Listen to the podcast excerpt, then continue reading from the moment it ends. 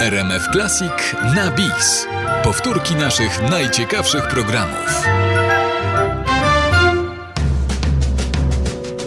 Bliskie spotkania z Wojciechem Waglewskim w RMF Classic. Minęła 22. Ten czwartkowy wieczór z kubkiem ciepłej herbaty albo, jak kto woli, innego rozkosznego napoju będzie jeszcze bardziej wyjątkowy, bo przyprawiony szczyptą rock'n'rolla, ale takiego naprawdę z klasą.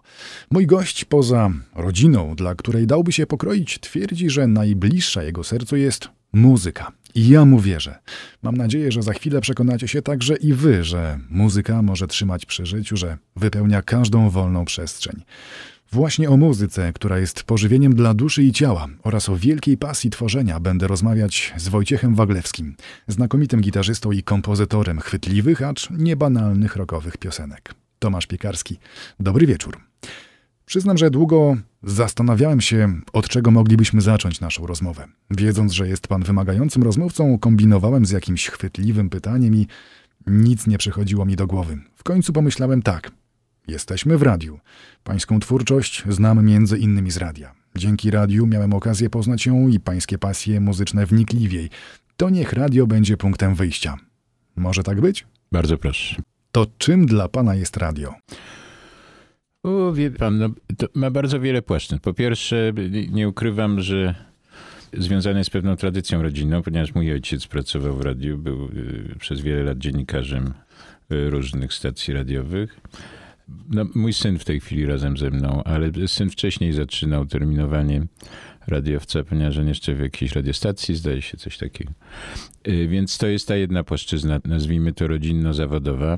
Chociaż nigdy w życiu nie, nie miałem zamiaru, mimo marzeń mojego ojca, związać się z radiem na stałe, w sensie dziennikarstwa muzycznego, bo to jednak nie jest y, ten rodzaj aktywności, który mnie specjalnie pasjonuje.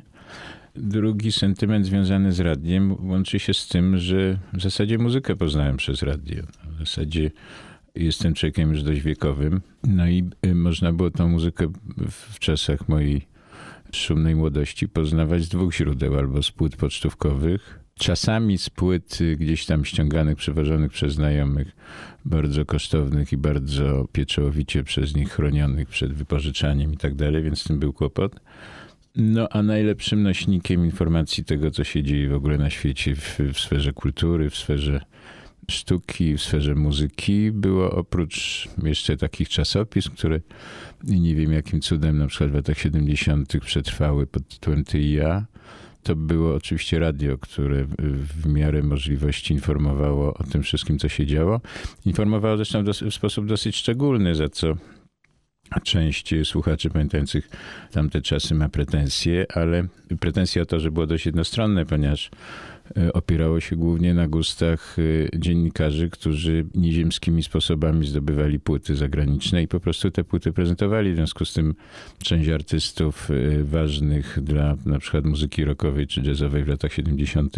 w radiu się w ogóle nie pojawiły, nie pojawili. No ale to jest coś za coś. No Inaczej nie można było, nie było żadnych playlist, nie było żadnego archiwum porządnego z muzyką światową. W związku z tym i było to naprawdę bardzo poważne źródło informacji o tym i takiej świadomości, że człowiek gdzieś jednak żyje na świecie i, i, i że jest członkiem jakiejś tam wspólnoty kultury europejskiej.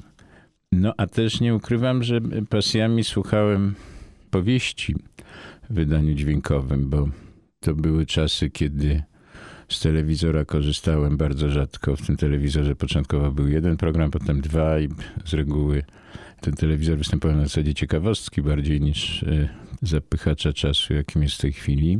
Natomiast radio, e, zwłaszcza w, w takich odsłonach wakacyjnych, przy pomocy tych powieści w wydaniu dźwiękowym, miało bardzo bajkowy charakter, bo to się bardzo człowiek, mówiąc kolokwialnie, wkręcał w te postacie, w te akcje, zwłaszcza te powieści, które były inscenizowane, reżyserowane, przygotowywane przez fantastycznych aktorów, reżyserów, to rzeczywiście spora część mojego, moich wczesnych lat.